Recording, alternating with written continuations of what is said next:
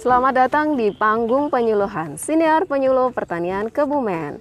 Sahabat Tani, kali ini kita akan mengangkat tema atau judul yang agak unik ini. Ya, kalau nggak jadi emas, ya jadi mes. Nah, sahabat Tani mungkin sudah tidak asing lagi mendengar kata-kata emas atau mes. Nah, pada hari ini sudah hadir bersama saya narasumber uh, beliau adalah Ibu Siti Sunarsi Beliau adalah koordinator dari BPP Kecamatan Poncowarno Kabupaten Kebumen. Nah sebelumnya sahabat tani, tidak henti-hentinya saya mengingatkan kepada sahabat tani semua bahwa kita harus tetap menjaga protokol kesehatan. Ya sahabat tani, tidak henti-hentinya saya mengingatkan kepada sahabat tani semua bahwa kita harus tetap menerapkan protokol kesehatan yaitu 3M. Yang pertama, memakai masker, kedua, mencuci tangan dengan sabun, dan yang ketiga adalah menjaga jarak. Dan Ibu Narsi sepertinya kita iya. sudah menjaga, sudah menjaga jarak, jarak iya, lebih betul. dari satu meter. Satu meter. Nah betul. ini biar ngobrolnya lebih asik. Gimana hmm. kalau kita lepas masker aja? Oh iya boleh. Sepakat ya ibu ya? Sepakat. Oke kita Oke, lepas masker. Kita lepas masker. Oke siap?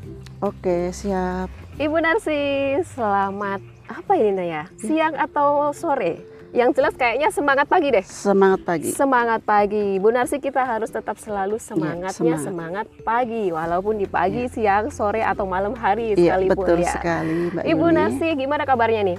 Alhamdulillah baik, sehat, sehat walafiat ya. sampai hari ini. Mm -hmm. Alhamdulillah pas mau pensiun kita juga pas banget ya selalu diberikan kesehatan, uh -uh. kemudahan, kelancaran sama Allah Subhanahu wa taala pada pagi siang hari ini, pagi hari ini kita bisa bertemu langsung ya sama Mbak Yuni ya. Alhamdulillah, Alhamdulillah sekali. Saya senang ini lihat uh, Ibu Narsi yang katanya tadi sebentar lagi mau pensiun. Iya betul Tapi sekali. ternyata uh, kalau saya berhadapan langsung ini sepertinya masih timur ini, masih muda maksudnya gitu ya, masih semangat sekali. Oke, Ibu Narsi adalah koordinator dari BPP Kecamatan Poncowarno. Betul sekali. Nah, hari ini kita juga berada di wilayah Poncowarno. Poncowarno.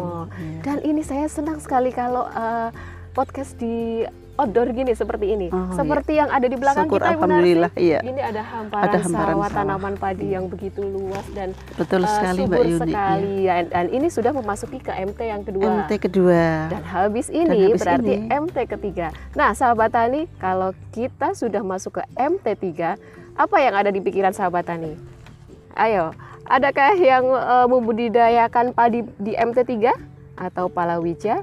Nah, kalau di Poncowarno kita mau tanya-tanya ini sama ibu koordinatornya hmm. Bu Narsi ini untuk MT3 MT3 musim tanam ketiga biasanya kan ada ada juga loh ini yang iya. membudidayakan padi lagi itu ada padi loh ya. lagi ada nah, lah ini untuk di Poncowarno apakah memungkinkan untuk padi lagi atau kepala wija atau apa ini Insya Allah kalau untuk di Kecamatan Poncowarno tahun ini hmm. kita sepakat untuk menanam kedelai. Kedelai, ya, kedelai.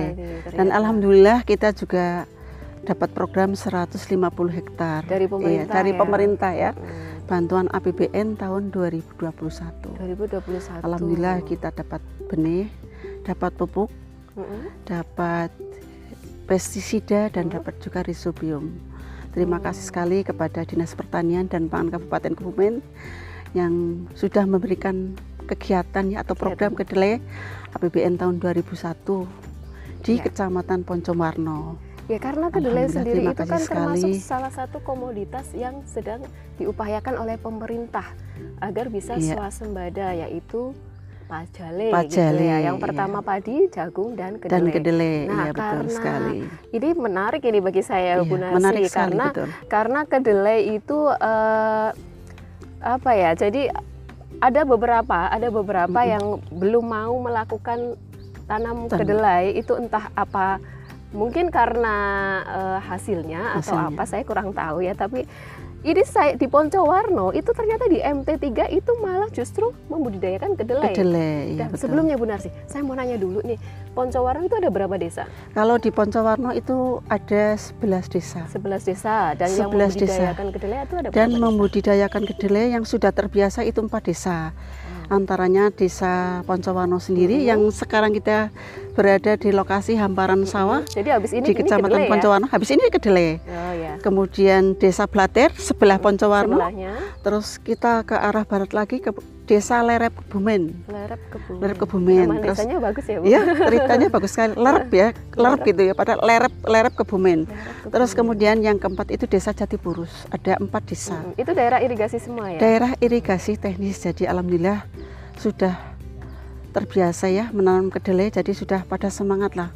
Walaupun ada program dan tidak ada program, alhamdulillah sudah kulino nanam kedelai. Nah ini kan Jadi su- untuk tahun 2021 kan Tahun mendapatkan bantuan 2021 150 hektar. Hektar, Nah dari empat, empat desa tersebut memenuhi ya Bu Narsi? Insya Allah 150 memenuhi syarat. Ya, insya Allah Hmm. memenuhi syarat.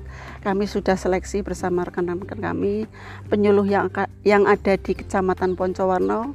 Insya Allah dari 150 hektar itu Mm-mm. sudah memenuhi syarat ya Hmm. semuanya dan sudah ada perjanjian atau pernyataan hitam di atas putih Hmm. termasuk Pak Lurahnya, Pak Camatnya mendukung juga. ya, Jadi semuanya juga mendukung. dari unsur pemerintahan itu mendukung. tetap harus ada dukungan dari Iya, ada dukungan dari gitu ya, pemerintah. Bu. Iya. Baik, terima Iya. kasih Bu Darsi. Eh, sahabat tani, eh, kalau kita bicara tentang kedelai ini, ada beberapa sahabat tani kita yang sampai sekarang itu masih mikir-mikir lagi nih mau membudidayakan kedelai. Kemungkinan karena mungkin karena perawatannya itu yang agak susah, tetapi begitu kita panen Iya. harganya rendah.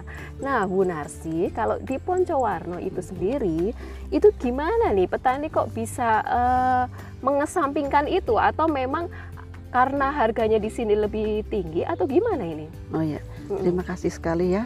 Eh, tadi Mbak Yuni Ndiko kalau sampai petani di sini itu bisa tertarik tanam kedelai karena Nun Sewu. Pertama itu memang kalau dipikir-pikir kedelai menurut petani ya, ini petani, Bu, saya tetap tanam kedelai karena itu manfaatnya banyak sekali ya. Manfaatnya banyak sekali. Manfaatnya banyak sekali terutama untuk meningkatkan penghasilan tambahan ya. Tambahan di MT3 itu Mm-mm. jadi ada tambahan penghasilan Mm-mm. untuk petani ya. Kemudian yang kedua itu bisa untuk mem- memperbaiki ya struktur lahan sawah ya. Dengan tanaman kedelai tentunya nanti di MT1 juga bisa mengurangi penggunaan pupuk karena bintil-bintil akar karena sudah ada dari tanamannya, kedelai, ya, sudah ada dari kedelai. itu. sisa tanamannya Ah. itu seperti itu. Jadi mereka sudah yakin bahwa kalau kita tanam kedelai insya Allah lahan kita akan tambah subur Mm-mm.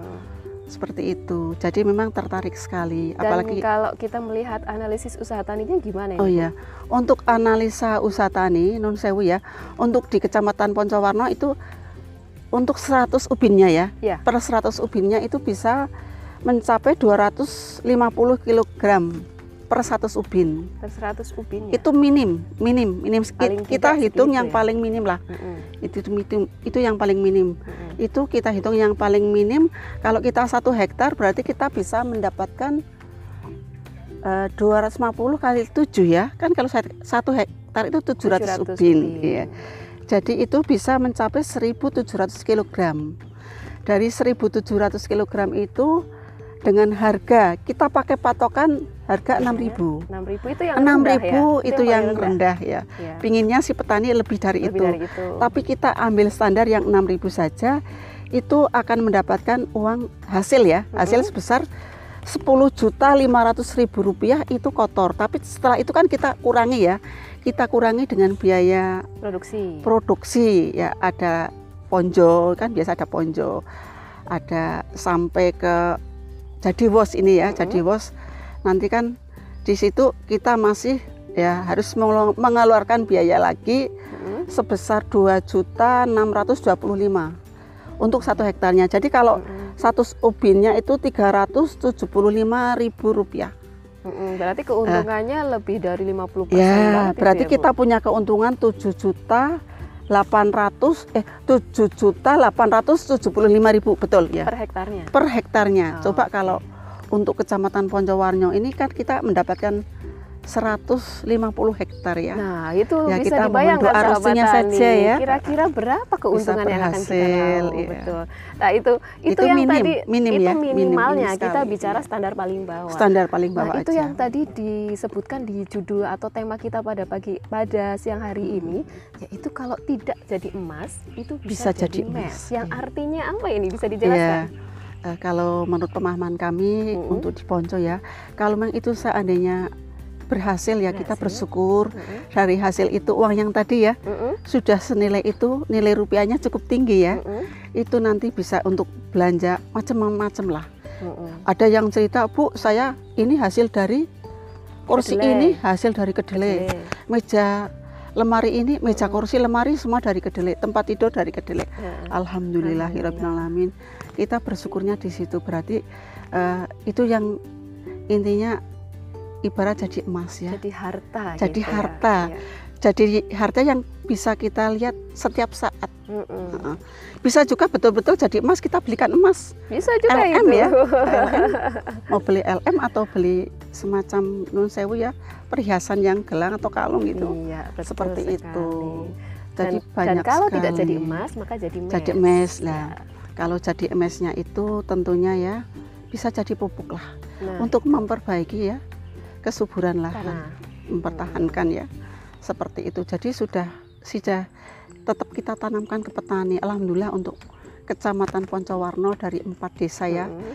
desa Poncowarno sendiri desa Blater desa Mhm. Lerep Kebumen dan desa Jatipurus itu memang sudah betul-betul siap dengan program pemerintah ini Hmm. di samping itu juga eh, dari para stakeholder yang ada di desa ya selaku Pak Kepala desanya. kepala desanya terus yang di kecamatan jadi Pak Camatnya dan. Pak Bapak Forkombinsamnya itu Mm-mm. semuanya mendukung juga dari pengairan Mm-mm. jadi kita tetap berkoordinasi Mbak Yuni gitu ya. biar program ini bisa jalan Sukses. seperti sukses ya yang kita harapkan ya sukses yang jelas bisa sukses tidak seperti tahun kemarin Mm-mm. kita tahun kemarin kebetulan kepingin sekali 250 hektar tapi gagal karena cuaca jadi ya nggak apa-apa lah seperti itu Mbak Yuni Oke, berarti bisa dikatakan bahwa kita menanam kedelai itu tidak ada ruginya ya. Tidak ada ya? ruginya. Tidak ada ruginya. Kalau misalkan katakanlah mungkin kita tidak bisa panen karena cuaca, Betul. mungkin cuaca dan iklim yang tidak bisa kita hindari, kita masih bisa eh, mendapatkan keuntungan dari eh, penyubur tanahnya itu Penyubur tadi tanahnya, ya, yang betul dikatakan sekali. dengan kata mes. Mes itu Mes. artinya adalah pupuk gitu ya, Pupuk. istilahnya untuk pupuk Iya, gitu kalau di sini. pupuk Oke Bu Darsi, nah ini kan Bu Darsi dari eh, selaku koordinator BPP Kecamatan Poncowarno atau eh, PPL-nya gitu iya ya. betul sekali Penyuluhnya ini gimana nih kok bisa eh, petani di Kecamatan Poncowarno sampai bisa eh, mau menanam kedelai di musim tanam ketiga itu mungkin ada motivasi-motivasi yang diberikan dari Hmm. penyuluhnya ke petani atau gimana ini Bu? ya tentu saja ada motivasi dari kita Mm-mm. ya Mm-mm. dari banyak para penyuluh yang ada di Kecamatan Poncowarno. Kebetulan kami ada enam ya penyuluh pertanian, ada enam. ada enam yang kebetulan cowoknya hanya satu. Wow. Berarti Jadi Wonder Woman put- semua Wonder ini, Woman lima ini. semuanya. Iya. Alhamdulillah kita selalu motivasi, eh, kita selalu tanamkan monggo untuk MT3-nya. Mm-mm. Tolong untuk bisa dimanfaatkan kedelainya. Itu manfaat istilahnya eh, tambahan ya, Mm-mm, bonus. Tambahan, bonus. bonus selama MT1, MT2, MT3 dalam satu tahun 12 bulan itu merupakan bonus Mm-mm. bonus petani. Jadi saatnya bonus itu tidak kita manfaatkan sayang sekali Sayang atau sekali rugi, ya. Iya, rugi sekali. Lahan nganggur. Eh, gitu. lahan nganggur. Di samping mungkin non sewu, ya semoga tidak terjadi gagal panen. Mm-mm. Seandainya sampai terjadi gagal panen non sewu, kan bisa kedelai bisa dijadikan kedelai godok. Oh bisa ditan Iya, panen kedelai muda. godok, panen muda. Eh, itu kita tetap tanamkan itu di penyuluhan. Terus kemudian di samping untuk keperluan industri rumah tangga ya, Mhm. seperti tahu, tempe itu kan Mhm. sudah merupakan makanan pokok. Makanan Kalau pokok saya kita. makanan pokok, Mbak Yuni. Saya Iya. juga bu. Iya. Itu, Itu makanan paling- pokok saya, nggak pernah itu wajib. di makan. Iya, betul. Wajib di rumah seperti itu. Heeh. Jadi tetap kita pada waktu penyan tolong dijelaskan ya. Mm-mm. Ini manfaat man, apa? eh, kedelai itu merupakan makanan pokok kita lah bisa dibuat tahu dan tempe kenapa kita tidak tanam tidak harus kita ngambil dari luar, luar daerah negeri. atau luar negeri ya biasa kan ada kedelai dari luar negeri sekarang kedelai dari luar negeri kan sudah mulai banyak ya. Mm-hmm. ya kita seperti contoh idamannya Pak ya. Itu kita ya kita kedelai aja sendiri produksi dalam negeri produksi lokal. Kenapa kita tidak mengatakan produksi lokal kita sendiri? Mm-hmm kita harapannya seperti itu. Dan Nun Sewu di samping itu juga masih banyak dimanfaatkan lah. Dari hasil kedelai itu bisa dibuat seperti kecap ya. Kecap, kecap dari, kedelai. Uh, dari kedelai susu kedelai terus nanti mungkin bisa dibuat peyek juga dari kedelai hmm. ya jadi banyak sekali, banyak sekali produk pada waktu uh, baik ya produk olahannya itu coba panjenengan tanamkan setiap kali penyuluhan ya paling tidak untuk memperbaiki struktur tanah. Hmm. Paling tidak minimal Paling itu tidak. sudah masuk ke dalam memorinya, petani, eh, memorinya gitu ya. petani seperti itu. Apalagi non sewu sekarang harga pupuk ya, katanya pupuknya bro semakin hari semakin mahal ya. Paling tidak itu ya bisa untuk memperbaiki struktur tanah lah. Ya, ya insya Allah. Jadi yang ditanamkan pertama ya. itu bahwa tanam kedelai itu kita ambil dari manfaatnya dari hmm. tanamannya itu sendiri iya. untuk kesuburan tanah kesuburan itu sudah tanah. jelas ada sudah manfaatnya. Jelas, iya. Yang kedua kita uh, apa ya berkaca pada diri berkaca kita sendiri. Kita sendiri. butuh setiap hari makan tahu, tahu tempe, tempe, maka iya. ada kecap kalau kecap, masak betul. ada kecapnya. Kita pikirkan bahwa produk-produk uh, uh, itu asalnya dari mana, dari mana? dan saat ini yeah. ini kan masih banyak pemerintah kita masih karena mungkin belum mencukupi kebutuhan belum mencukupi, kita ya, ya betul sekali belum mencukupi jadinya kita impor, impor iya, gitu. Ya, impor nah ini untuk sahabat tani ini buat PR sahabat tani semua ya, ini. Betul. Gimana kalau kita bisa memproduksi sendiri, mengapa kita harus impor? Ya, harus impor. Nah kita kalau mengatakan tentang uh, varietas kedelai ini, kalau yang tadi Bu Narsi ya. sampaikan kan bahwa kedelai itu yang dari luar negeri, yang impor itu kebanyakan lebih bagus. Lebih bagus. Ya, bijinya lebih besar-besar. besar-besar. Gitu. Tapi kalau kita sendiri kan punya ini punya, iya. varietas iya. unggulan dari kalau tidak salah gerobogan, gerobogan. ya. Iya kita pakai gerobogan. Nah, untuk meyakinkan para petani bahwa kita itu uh, produksinya itu yang produk asli aja, yang lokal aja itu gimana nih Bu? Ya bisa kita tetap meyakinkan juga produk asli yang lokal itu minimal itu ya tadi bisa mencapai mm -hmm. uh, 250 ya mm -hmm. per 100 ubin juga tidak ya, kalah. ya, itu minimal ya minimal ya profitasnya. Tidak kalah dengan yang luar negeri. Dan sepertinya iya. kalau kalau dari segi rasa kayaknya lebih lebih enak lebih yang enak lokal ya, yang ya? lokal ya. Lebih enak yang lokal. Mm, lebih gurih gitu ya. lebih gurih dan lebih apa? Manis-manis ada manis-manisnya oh, gitu ada manis-manisnya gitu seperti Bu Narsi dong aduh kini udah cukup iya, cukup boleh. lama ini membicarakan tentang kedelai membahas tentang kedelai ya sahabat tani perlu diingat tadi bahwa kita membudidayakan kedelai atau menanam kedelai apalagi di MT3 itu tidak ada ruginya. Insya Allah kalau memang uh, tidak ada halangan karena cuaca atau iklim, hmm. itu kita pasti ada untungnya. Walaupun mungkin harga kedelai itu waktu uh, uh, apa pas lagi pas rendah-rendahnya rendah, gitu, tetap kita tetap, tetap mendapatkan tanam, keuntungan. keuntungan ya. Nah itu kalau tidak jadi emas itu hmm. bisa jadi emas. Nah Bu Narsi, uh, ini saya mau tanya apa lagi ya Bu Narsi? boleh. Kapan mau pensiun? Oke. Okay. ini kok saya nggak percaya ya kalau mau pensiun ya? Udah udah punya cucu tiga Mbak Yuni. Punya cucu tiga ya. Oh, Alhamdulillah. Gitu. Alhamdulillah ya Bu Narsi. Uh, sebelum pensiun nih ya. Yeah. Sebelum pensiun ada nggak ini uh, kayak closing statementnya? Bu Narsi sebagai PPL aja deh. Hmm. Sebagai PPL apakah ada Eh, pesan-pesan uh, khusus yang diturunkan kepada junior-juniornya seperti oh. saya ini gitu. uh, uh, wejangan-wejangan gitu Bu. Monggo. Ya, okay. ya, terima kasih ya Mbak Yuni. Uh, sebelum saya pensiun nanti insya Allah saya sehat panjang umur pensiun 1 Juli ya mm -hmm. 2021 mm -hmm. dengan masa kerja 39 tahun satu bulan alhamdulillah. alhamdulillah dari masa kerja itu kita dari awal itu kita mengabdinya di Poso Bu. Mbak Yuni oh, ya. Poso. Ya. Poso Sulawesi, Sulawesi Tengah. Itu mulai tahun 82 jadi ah, 2021 belum lahir, Bu. belum lahir? Saya sudah mulai nah, bekerja. Jadi saya cuma berpesan sama rekan-rekan penyuluh ya. Hmm. atau senior yang senior ya? Senior dan junior atau gimana ini?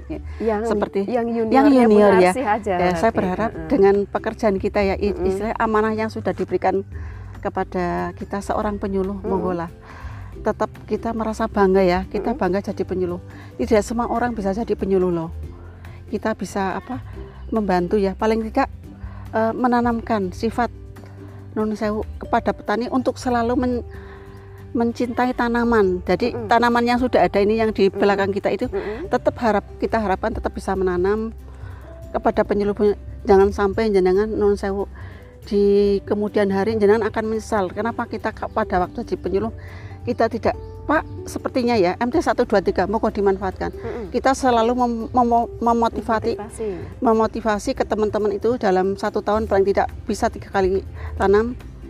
Tolong diusahakan jenengan tetap semangat wal apa pun rintangannya namanya di lapangan ya. Yeah. Seperti itu. Mm-hmm. Suka dukanya kita ada tapi lebih banyak insya banyak sukanya ya, banyak ya Mbak Juni. Setelah setelah sadian juga. Yang penting kita semangat insya Allah kita memohon sama Allah Subhanahu wa taala mm-hmm. kita dimudahkan dilancarkan apalagi kita niatnya untuk petani ya. Mm-hmm. Yang ibaratnya petani itu kalau tidak ada petani mungkin kita tidak kita bisa, tidak bisa makan. Makan mm-hmm. ya. Jadi tetap ditanamkan, tetap semangat, tetap apa di lapangan itu walaupun non sewu kita semua putri kita tetap semangat, kita tetap bisa dan untuk yang junior-junior saya mohon mengolah selalu berkoordinasi di lapangan pada stakeholder ya yang ada di ya, lapangan. Baik ya kalau kita lebih dekat dengan Pak RT juga lebih bagus. Ada Pak Lurah atau Pak Kepala Desa ya. Kemudian Pak Camat dan Forkopincam yang lain. Setiap ada kegiatan kita koordinasi ya dengan TPM-nya juga dengan pengair, pengairan. pengairan. Apalagi kita wilayah teknis itu sudah harus harus mesti berkoordinasi. Insya Allah nanti pekerjaan kita akan dimudahkan dilancarkan. Yang paling utama mohon sama Allah Subhanahu wa taala biar kita selalu diberikan kesehatan. Nah, kemudahan ya dilancarkan semuanya urusan kita dari awal hingga akhir. Ibaratnya semua kita niatin ibadah. Insya Allah walaupun pekerjaan yang ringan ya kayak saya ada lokasi hmm. Di bawah dan di atas ya di gunung. Uh, kita semua uh, eh, PPL yang putri-putri itu bisa naik semua ke atas. Bisa sendiri. Itu termasuk yang saya, saya katakan iya. Wonder Woman semua iya Wonder Woman termasuk saya. Saya yang tadinya tidak berani dan oh iya itu tugas kita. Tugas yang harus sangat mulia. gitu ya. jadi penyuluh itu tugas yang mulia. Panjenengan jangan perkecil hati. Justru kita harus bangga ya. Hmm. kita bangga jadi penyuluh yang selama ini non sewu orang mau masuk penyuluh itu persaingannya sama sangat ketat panjenengan sudah masuk di dalam monggo lah. Silahkan panjenengan bisa memanfaatkan sebaik-baiknya hmm. amanah ini ya mbak ya. Tidak Betul semuanya sekali. diberikan kesempatan seperti ini. Kapan lagi? Hmm. kalau tidak dari sekarang. Jadi tetap semangat untuk rekan-rekan penyuluh senior kita yang masih uh, panjang ya perjalanannya insya Allah. Dengan niatan panjangan yang ikhlas insya Allah semuanya akan dimudahkan sama Allah subhanallah saya percaya itu Mbak Yuni buktinya saya bisa naik yang okay. tadinya tidak bisa naik saya bisa naik dan uh. saya berusaha untuk bisa tetap semangat dan diniati ibadah kita nikmati kita jalani kita syukuri yang ada insya Allah hmm semuanya lancar. Oke, luar biasa Amin. sekali Bu Narsi. Seperti itu. Kalau saya cuma uh, uh. sering memotivasi pokoknya selamat. Oke, jadi motivasinya itu sebenarnya cuma satu, harus tetap, tetap semangat. semangat. semangat. Maka dari hmm. itu saya setiap uh, bersama narasumber saya hmm. selalu menyapanya dengan semangat pagi. Semangat pagi. Ya, karena hmm. kita harus selalu semangat, iya, apalagi uh, profesi kita sebagai penyuluh gitu ya. Oke, sahabat Tani, uh, ini bisa jadi yang pertama motivasi tadi per, uh, buat teman-teman penyuluh ya, teman-teman PPL dan untuk sahabat tani semua juga ada motivasi tadi yang diberikan oleh Ibu Narsi bahwa kita harus memanfaatkan uh, kesempatan atau hmm. lahan yang ada di musim tanam tiga yang biasanya tidak ditanami apa-apa, kita bisa manfaatkan untuk tanam kedelai dan yang uh, itu harus tetap semangat gitu ya. Oke, petani Indonesia berjaya, sejahtera, dan bahagia. Penyuluh pertanian Kebumen, aktif, kreatif, inovatif. Saya Yudi Wiarsi, terima kasih dan sampai jumpa.